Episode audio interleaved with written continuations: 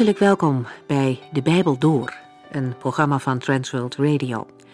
De Bijbel Door is een radioserie die u in vijf jaar meeneemt door de hele Bijbel. Van Genesis 1 tot Openbaring 22.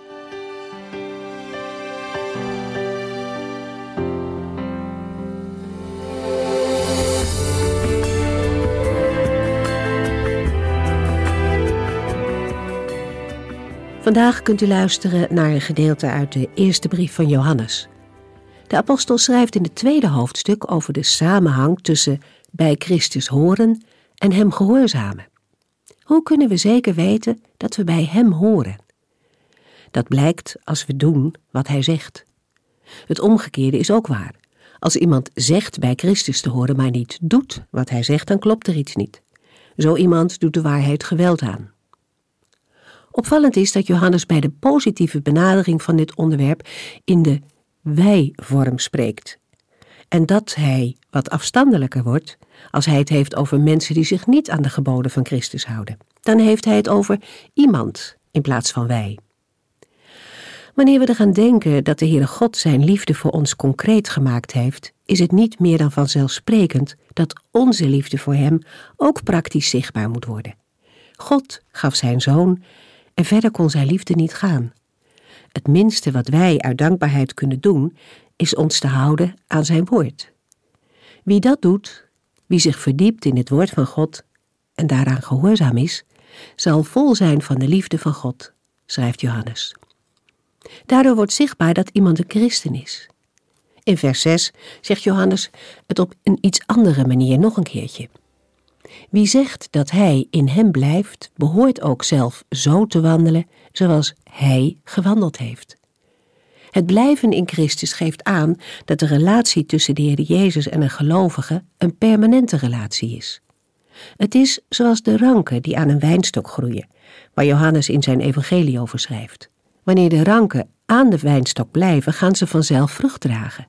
Maar zonder de wijnstok, zonder Christus, gebeurt er niks. Dan verdorren ze. Maar door vast verbonden te blijven aan Hem, komt er groei en vrucht. We lezen verder vanaf 1 Johannes 2, vers 8.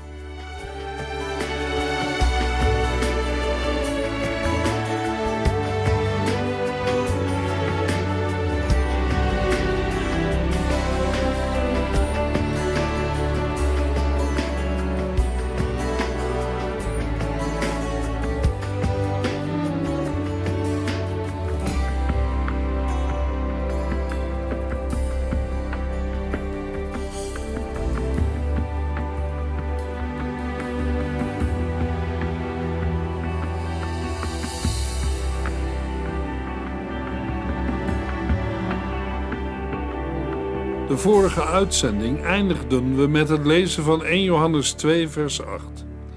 We lezen het vers nog een keer. Toch is het steeds weer nieuw en het betreft zowel Christus als u. Als we dit gebod gehoorzamen door elkaar lief te hebben, verdwijnt de duisternis uit ons leven en komt het ware licht binnen. Het gaat in dit vers om het gebod om lief te hebben. Een gebod dat zowel oud en nieuw is. Nieuw omdat de Heer Jezus Christus het op een volkomen nieuwe manier toepast. Jezus zei tegen zijn volgelingen: Ik geef jullie een nieuw gebod. Heb elkaar lief, zoals ik jullie heb lief gehad. Zo moeten jullie elkaar lief hebben.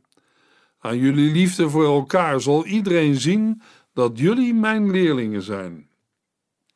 Gelovigen moeten de wil van God doen en de wil van God is God liefhebben boven alles en de naaste als jezelf.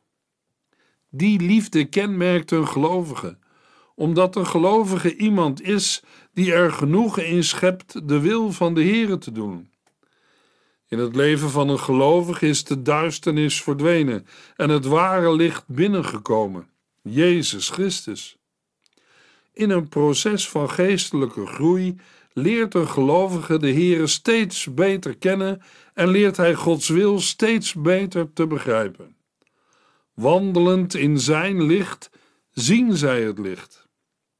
In Psalm 36, vers 8 tot en met 10 horen we David zeggen: Wat is het geweldig om uw goedheid en liefde te mogen ervaren, heren. Daarom komen talloze mensen bij u schuilen. Zij genieten van al het goede dat u hun biedt en u overspoelt hen met uw zegeningen. Want u bent de bron van al het leven. Als wij in uw licht staan, zien wij de dingen duidelijk. Liefde moet de samenbindende kracht zijn en het kenmerk van een christelijke gemeente. Alleen door liefde kunnen wij in het licht wandelen. Wij kunnen niet geestelijk groeien zolang wij anderen haten.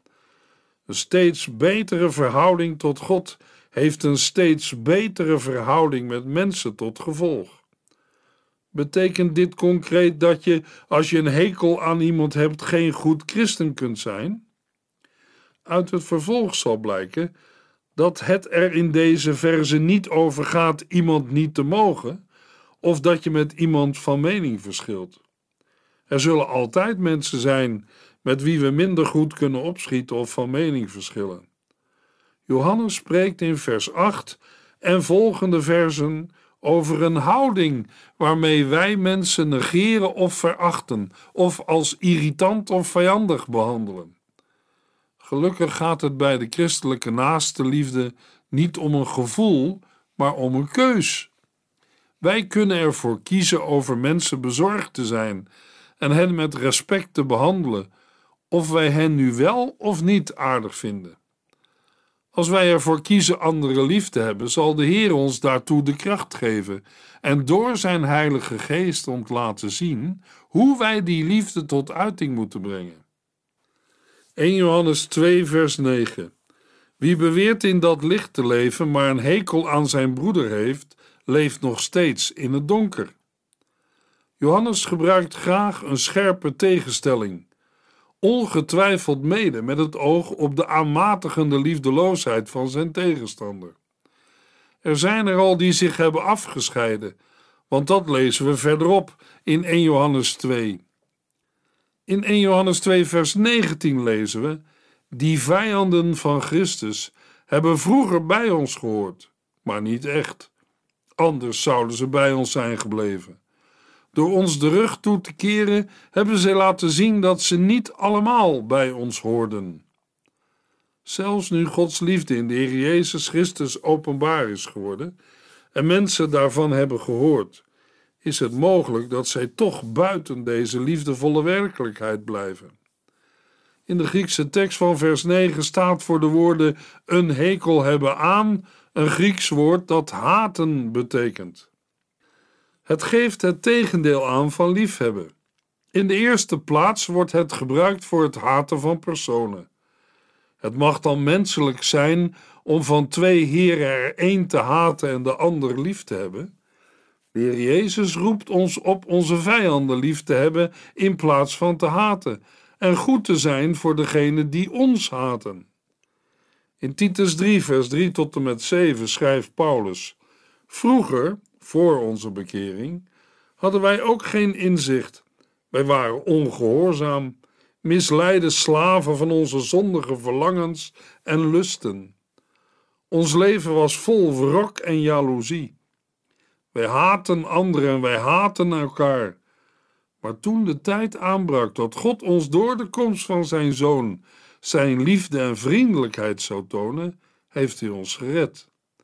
Niet omdat wij het hadden verdiend, maar omdat hij met ontferming over ons bewogen was en medelijden met ons had. Hij heeft onze zonden afgewassen, ons nieuw leven gegeven en ons vernield door de Heilige Geest die Hij rijkelijk over ons heeft uitgegoten. En dat allemaal om wat Jezus Christus onze Redder heeft gedaan.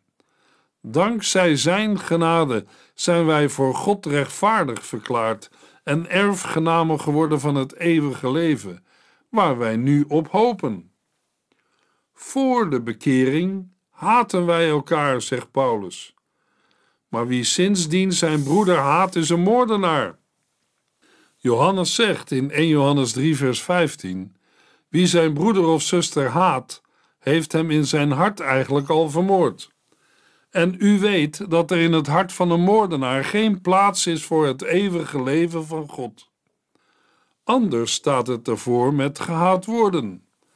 Dat is niet alleen te verwachten, omdat je bij Jezus hoort, maar als de mensen ons om die reden haten, spreekt de heiland ons gelukkig of zalig.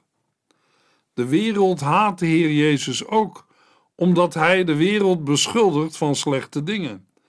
En wie de Heer Jezus haat, haat ook de Vader. Aan de andere kant lijkt het gebod om niet te haten in tegenspraak met wat we lezen in het Oude Testament en in Romeinen 9, vers 13 wordt geciteerd, waar de Heere zegt: Jacob heb ik lief gehad, maar Esau heb ik gehaat. Maar deze zwart-wit tegenstelling is typerend voor de Joodse manier van denken en formuleren. Om de bevoorrechte positie die Jacob door Gods genade heeft verkregen, in scherpe tegenstelling te zetten met Esau, die dezelfde positie heeft afgewezen. Iets dergelijks vinden we in Lucas 14, vers 26, waar Jezus zegt: Wie bij mij wil horen, moet meer van mij houden dan van zijn vader, moeder, vrouw, kinderen, broers en zusters. Ik moet hem zelfs meer waard zijn dan zijn eigen leven. Ook hier gaat het om de scherpe tegenstelling tussen het volgen van de Heer Jezus en het niet willen verlaten van andere dingen. In Matthäus 10, vers 37 wordt door de Heer Jezus gezegd: Wie meer van zijn vader en moeder houdt dan van mij, is mij niet waard. Daaruit blijkt ook dat het haten niet zo absoluut moet worden opgevat als het voor ons kan klinken. Het gaat er meer om dat Christus de eerste is in het leven van een gelovige. Het haten kan ook betrekking hebben op zaken, zodat het neerkomt op een hekel hebben aan. Zo heeft wie zondigt een hekel aan het licht. Hij ontwijkt het uit angst dat al die slechte dingen aan het licht zullen komen. En in Efeziërs 5, vers 29 horen we over het haten van het eigen lichaam of zijn leven. Bijvoorbeeld in Johannes 12, vers 25. In Judas 1, vers 23 lezen we: Maar bij sommige mensen moet u voorzichtig zijn met uw medeleven. U zou mogelijk door hun zonde kunnen worden beïnvloed. Haat elk spoor van hun zonde. In Hebreeën 1, vers 9 lezen we: U houdt van rechtvaardigheid en haat wetteloosheid. In Openbaring 2, vers 6 zegt de Heer Jezus tegen de gelovigen in Efeze: Het is wel goed dat u de verderfelijke praktijken van de Nicolaïten haat, want ik haat ze ook. Ten slotte lezen we in Openbaring 18, vers 2 over het gevallen Babylon. Zij is een woonplaats geworden voor demonen en een gevangenis voor alle boze geesten. Binnen haar muren wonen alle onreine en verachtelijke vogels. Voor de woorden verachtelijke vogels staat in het Grieks gehate vogels. Dat wil zeggen vogels die door iedereen worden gehaat of verafschuwd. Bij dit onderwijs uit de Bijbel sluit Johannes aan met de woorden: Wie beweert in dat licht te leven, maar een hekel aan zijn broeder heeft, leeft nog steeds in het donker. Met andere woorden, je bent in de duisternis als je je broeder of zuster haat. Haten en duisternis horen bij elkaar, net als licht en liefde. Haten, veronachtzamen, achterstellen of minachten, houdt verband met doden. De wereld haat God, de Heer Jezus en zijn volgelingen die hem toebehoren. 1 Johannes 2, vers 10 en 11. Maar wie van zijn broeder houdt, leeft in het licht en gaat zijn weg zonder te struikelen. Wie een hekel aan zijn broeder heeft, leeft in het donker en weet niet waar hij loopt. Omdat het donker is, kan hij niet zien. Vers 10 begint met een positieve uitspraak, namelijk de broederliefde, gevolgd door het omgekeerde in vers 11 de broeder haat. Een sterk contrast, licht of duisternis. Er is geen plaats voor schemering of schemerlicht in deze woorden. Voor de woorden leef in het licht staat in de Griekse tekst blijf in het licht. Het werkwoord blijven drukt volharding en trouw uit. De Griekse tekst kan op twee manieren worden gelezen, namelijk dat de betrokken persoon zelf niet struikelt of dat hij een ander niet doet struikelen. Bij het woord struikelen moeten we denken aan iets waarover een mens struikelt of erin trapt. Vooral in het donker kan iemand gemakkelijk struikelen, want in het licht zie je tijdig de obstakels op je weg. De gedachte is tweeledig, namelijk één, dat een zondaar ook zelf de gevolgen van zijn zonde draagt. En twee, wie in het licht wandelt, ziet zijn broeder en vormt geen struikelblok voor hem. Vers 11 zet de gedachtegang van vers 9 en 10 voort. Als een gelovige zijn broeder of zuster haat, dan ben je in de duisternis en leef je nog steeds in het donker. Duisternis is de werkelijkheid buiten God om, waar een ander zijn invloed uitoefent. Een actief boze macht, de God van deze wereld, de duivel, verblindt de ogen en voert mensen op een dwaalweg, zodat ze het goede nieuws niet geloven. Ieder mens weet in welke problemen je kunt komen als je in het donker rondloopt. Je weet niet waar je loopt. Zo benoemt Johannes zijn tegenstanders als mensen die in het donker lopen en niets kunnen zien. Ze weten dan ook niet wat het gevolg van hun opstelling is. Ze zijn blind voor hun werkelijke situatie. Zo verstoort haat het perspectief van de gelovigen, omdat zij daardoor alleen maar met dingetjes van zichzelf en dichtbij bezig zijn. Maar liefde kijkt vooruit, denkt helend en geeft evenwicht in onze christelijke levensopvattingen, vooruitzichten en oordelen. Liefde geeft ook leiding. De Heer Jezus zegt in Johannes 8, vers 12: Ik ben het licht van de wereld. Wie mij volgt, zal nooit in de duisternis leven, maar hij zal het licht hebben dat leven geeft. Daarom moeten gelovigen zich regelmatig afvragen: volg ik de Heer Jezus? Wandel ik in het licht met Hem?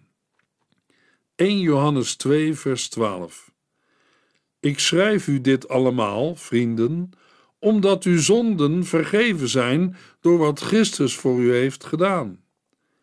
Johannes haast zich op te merken dat hij zijn lezers beoordeelt als gelovigen, die niet in het donker of de duisternis wandelen. In de versen 12 tot en met 14 lezen we twee series uitspraken die parallel lopen. In de versen 12 en 13 en 13 en 14 gaat het over vrienden, vaders, jongelui en kinderen. Met vrienden, in het Grieks lezen we kindertjes, heeft Johannes alle gemeenteleden op het oog met wie hij in een pastorale relatie staat en voor wie hij de geestelijke vader is. Daarbij kan met het woord vader in vers 13 naast de natuurlijke vader ook de geestelijke vader zijn bedoeld. Daarmee richt Johannes zich waarschijnlijk tot hen die in leeftijd als ook in geestelijk opzicht ouderen kunnen zijn. Het zijn dan mensen die ook in de christelijke gemeente verantwoordelijkheid voor anderen dragen. De jongelui zijn dan degenen die zowel in leeftijd als in geestelijk opzicht nog niet geheel volwassen zijn. Een dergelijk onderscheid wordt in het Nieuwe Testament vaker gemaakt. Ik denk dan aan 1 Timotheus 5, vers 1 en 2. Ga niet tekeer tegen een man die ouder is dan jezelf. Als je hem moet terechtwijzen, spreek hem dan toe alsof hij je eigen vader was. Spreek met een jonge man alsof hij je broer is. Behandel een oudere vrouw als je eigen moeder en een jongere vrouw als je eigen zuster zonder onzuivere gedachten en gevoelens. En in Titus 2, vers 1 tot en met 8 lezen we: Maar jij moet vrijuit zeggen hoe een christen hoort te leven. Leer oudere mannen dat ze nuchter, ernstig en bezonnen moeten zijn. Zij moeten de waarheid kennen en geloven en alles met liefde en geduld doen. Leer oudere vrouwen dat zij rustig en eerbiedig moeten zijn in alles wat zij doen. Ze mogen niet roddelen of aan de drank verslaafd zijn. Nee, zij moeten anderen leren wat goed is.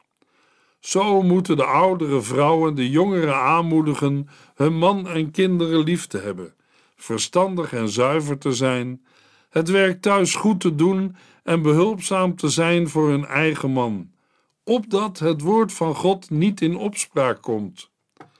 De jonge mannen moeten zich verstandig en ingetogen gedragen.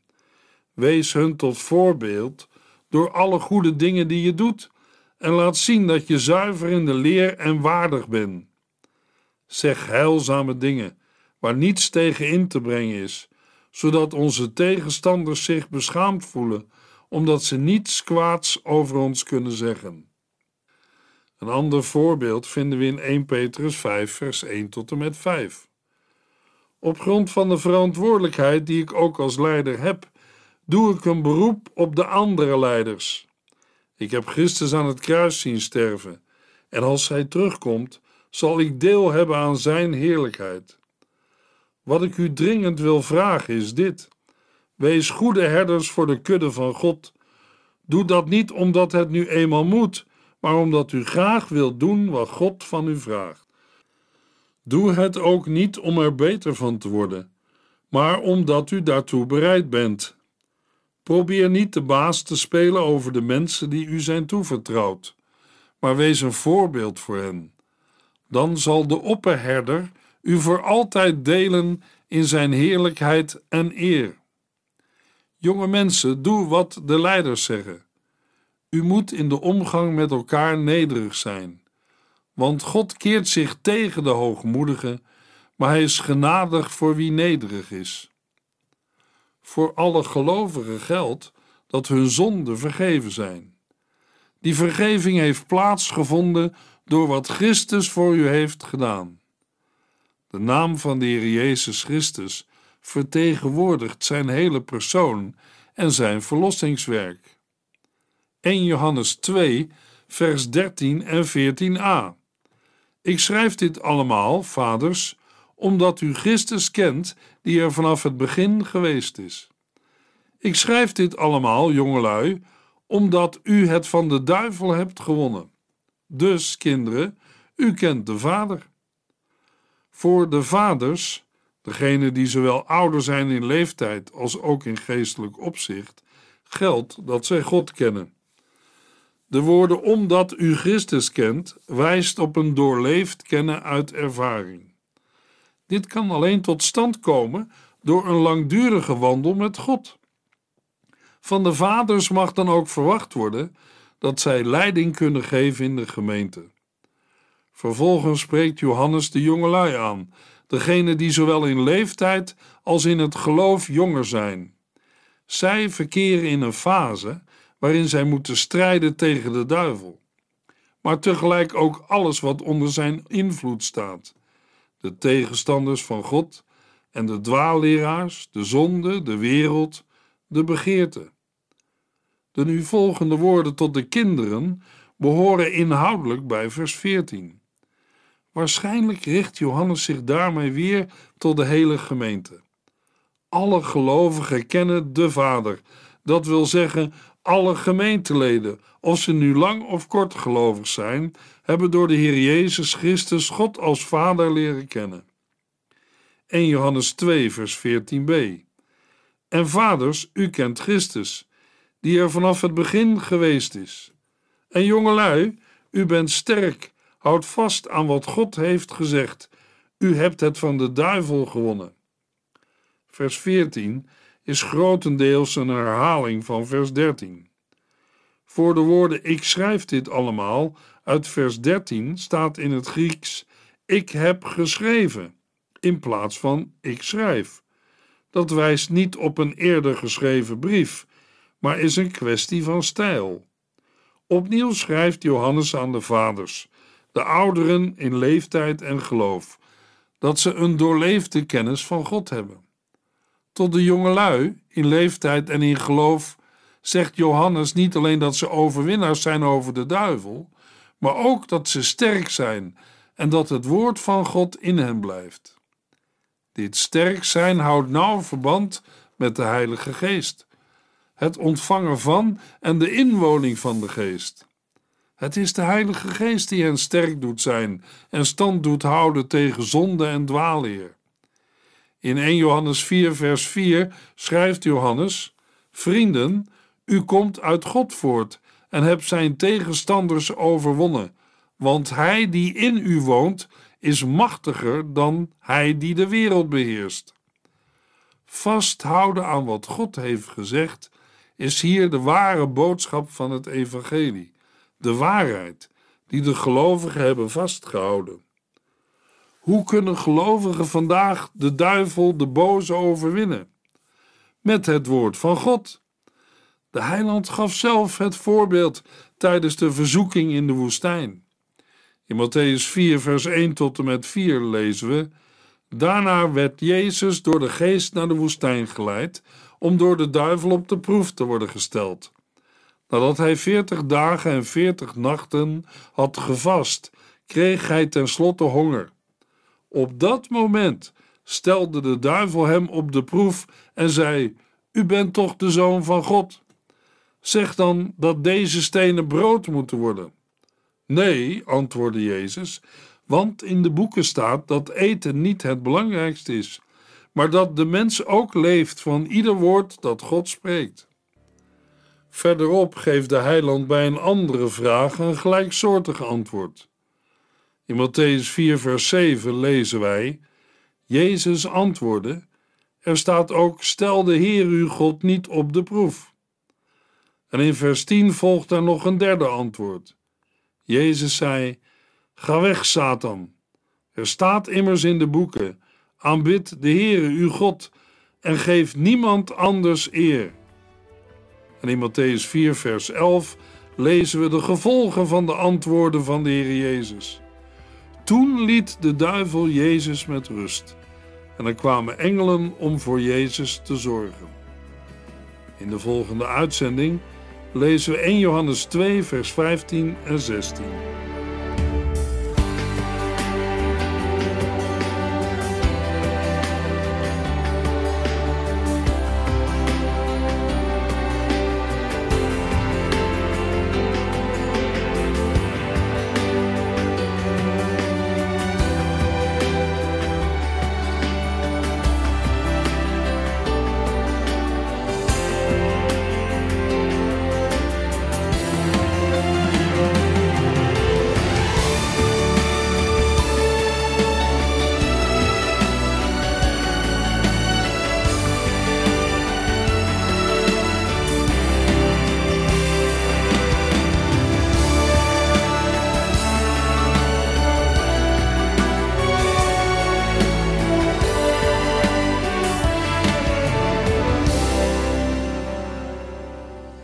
Geluisterd naar De Bijbel Door.